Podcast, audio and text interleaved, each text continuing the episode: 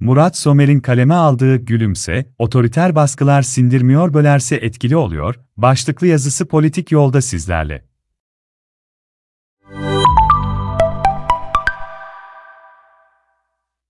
Sedef Kabaş ve Sezen Aksu.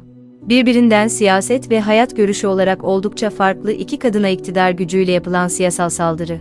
Uygulanan siyasal şiddet, zorbalık. Neden?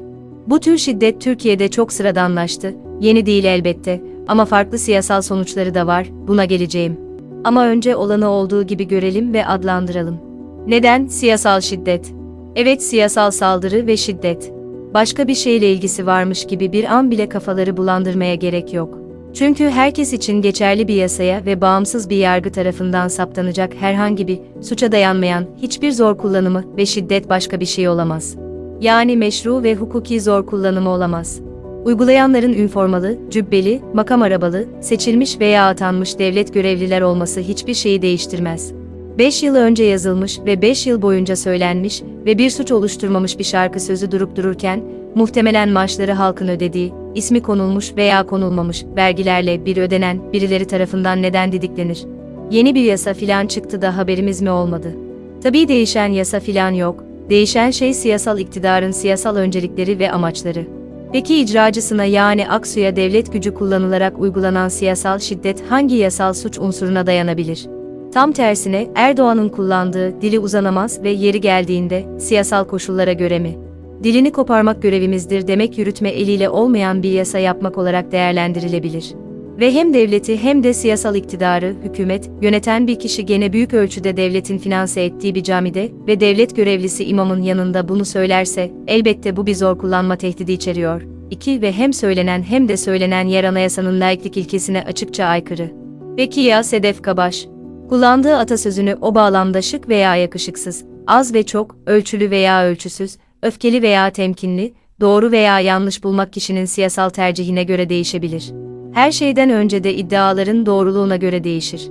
Yargının bağımsız ve tarafsız olmadığı ve demokrasinin askıya alınmış olduğu bir bağlamda bu sözler doğru bir siyasal eylem mi teşkil ediyor, buna katılanlar da olur katılmayanlar da. Siyasal, toplumsal sorumluluğu kendisine aittir. Herkes için geçerli 3 Tekn'in 125. maddesine göre hakaret unsuru içerip içermediğine karar vermek ise bağımsız, tarafsız ve yetkin, işinin ehli ve meslek etiğine bağlı, yargının görevi. Normal yollardan açılan kişisel bir hakaret davası hukuki olabilir. Böyle bir mahkumiyet olmadığı sürece Kabaş'ın sözleri anayasal ifade özgürlüğü kapsamında siyasal bir eylem. Ama özgür bir insanı sabaha karşı maaşları halk tarafından ödenen güvenlik güçleri eliyle gözaltına alırsanız, yani daha o andan itibaren cezalandırırsanız, tutuklarsanız, kamu halka ait. Bankalarından siyasal güç kullanarak verilmiş kredilerle satın alınmış medya organlarında kendisine hiçbir söz hakkı tanımadan yargılarsanız ve sayısız hakarete tabi tutarsanız, bu devlet eliyle gayrimeşru şiddet uygulamaktır. İşin medya ile ilgili boyutu aslında muhalif ve görece bağımsız medya içinde kısmen geçerli. Bence bağımsız medyanın yapacağı hem etik hem de siyaseten doğru çizgi demokrasiye geçildikten sonra Türkçe'de olması gereken medyanın örneklerini vermek olabilir. Ama bunu başka bir yazıya bırakalım. Peki bu siyasal şiddet neden uygulanıyor? Her siyasal eylem bir sonuca varmak, belli çıkarları korumak için yapılır. Siyasal şiddet de böyle. İktidar tarafından uygulanan şiddetin ve baskının büyük bölümü aslında sıradan vatandaşlara uygulanıyor. Çiftçiden üniversite öğrencisine, kadınlara ve esnafa sıradan vatandaşlar rutin olarak eziliyor ve en temel anayasal hakları çiğneniyor. Çünkü iktidar politikalarıyla bu kesimlerden aldıklarını göz göre başkalarına veriyor, kurduğu siyasal ilişkiler nedeniyle bunu yapmak durumunda ve bunun toplumsal sonuçlarından korkuyor. Bu politikaların gündem değiştirmek, kutuplaştırma, kendi destekçilerine aba altında sopa gösterme, laik cumhuriyete karşı özel çıkar gruplarının hedeflerini gerçekleştirmek gibi boyutları da var. Ama bu politikalar artık istediği sonuçları da vermiyor. İktidar sürekli olarak siyasal destek ve zemin kaybediyor. Toplumsal ve siyasal muhalefet de azalmıyor, sinmiyor.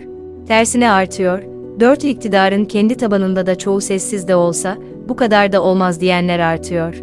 Aksu ve Kabaş'a yapılanları toplumun büyük kesimi ne kadar biliyor, veya takip ediyor, ondan da o kadar emin değilim. İnsanlar geçim hatta ısınma derdinde. Gündem değiştirme, kutuplaştırma gibi politikalar bir kamuoyu gerektiriyor. Türkiye'de toplumun büyük kesiminin bir şeylerden aynı anda haberdar olduğu ve konuştuğu alan anlamında kamuoyu, kısmen teknolojik gelişmelerin etkisiyle ama daha çok otoriterleşme politikalarıyla bilinçli olarak ortadan kaldırıldı.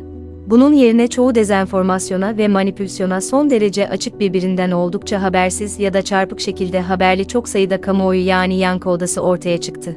Peki o zaman bu şiddet iktidara ne zaman ve nasıl bir yarar sağlayabilir? Evrensel otoriter akla tıpatıp uyan bu hukuksuzluklar muhalefeti sindirerek değil, zaten sindirmiyor, bölerek etkili oluyor. Toplumsal ve siyasal muhalefet içindeki ve arasındaki çekişmeleri, farklı siyaset tarzlarını, geçmiş hesap ve yankı odalarını kaşıyıp ifşa edebildiği oranda başarılı oluyor.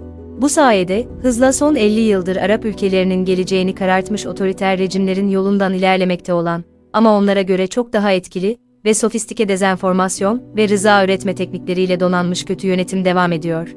Peki çözüm hangi siyaset?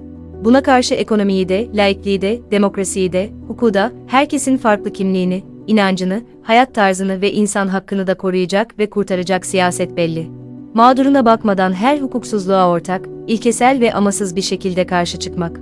Siyasetini eleştiriyorum ama hakkına ve hukukuna ortak değerler adına sahip çıkıyorum diyebilmek. Aslında çok zor değil, Türkçenin güzel bir terimi olduğunu düşündüğüm, vatandaşlık hukuku tam da böyle bir şey olmalı. Muhalefet içi hesapları ve ayrılıkları unutmamak ama demokrasiye geçişi önceleyebilmek. Geçmiş hesapları demokrasi içinde yani sözle, hukukla, çuvaldızı kendimize de batırarak ve halkın hakemliğinde sormak. Önümüzdeki dönem hem sivil toplum hem muhalefet partilerinde bu anlayışın ve liderliğin öne çıkmasının en önemli mesele olduğunu düşünüyorum.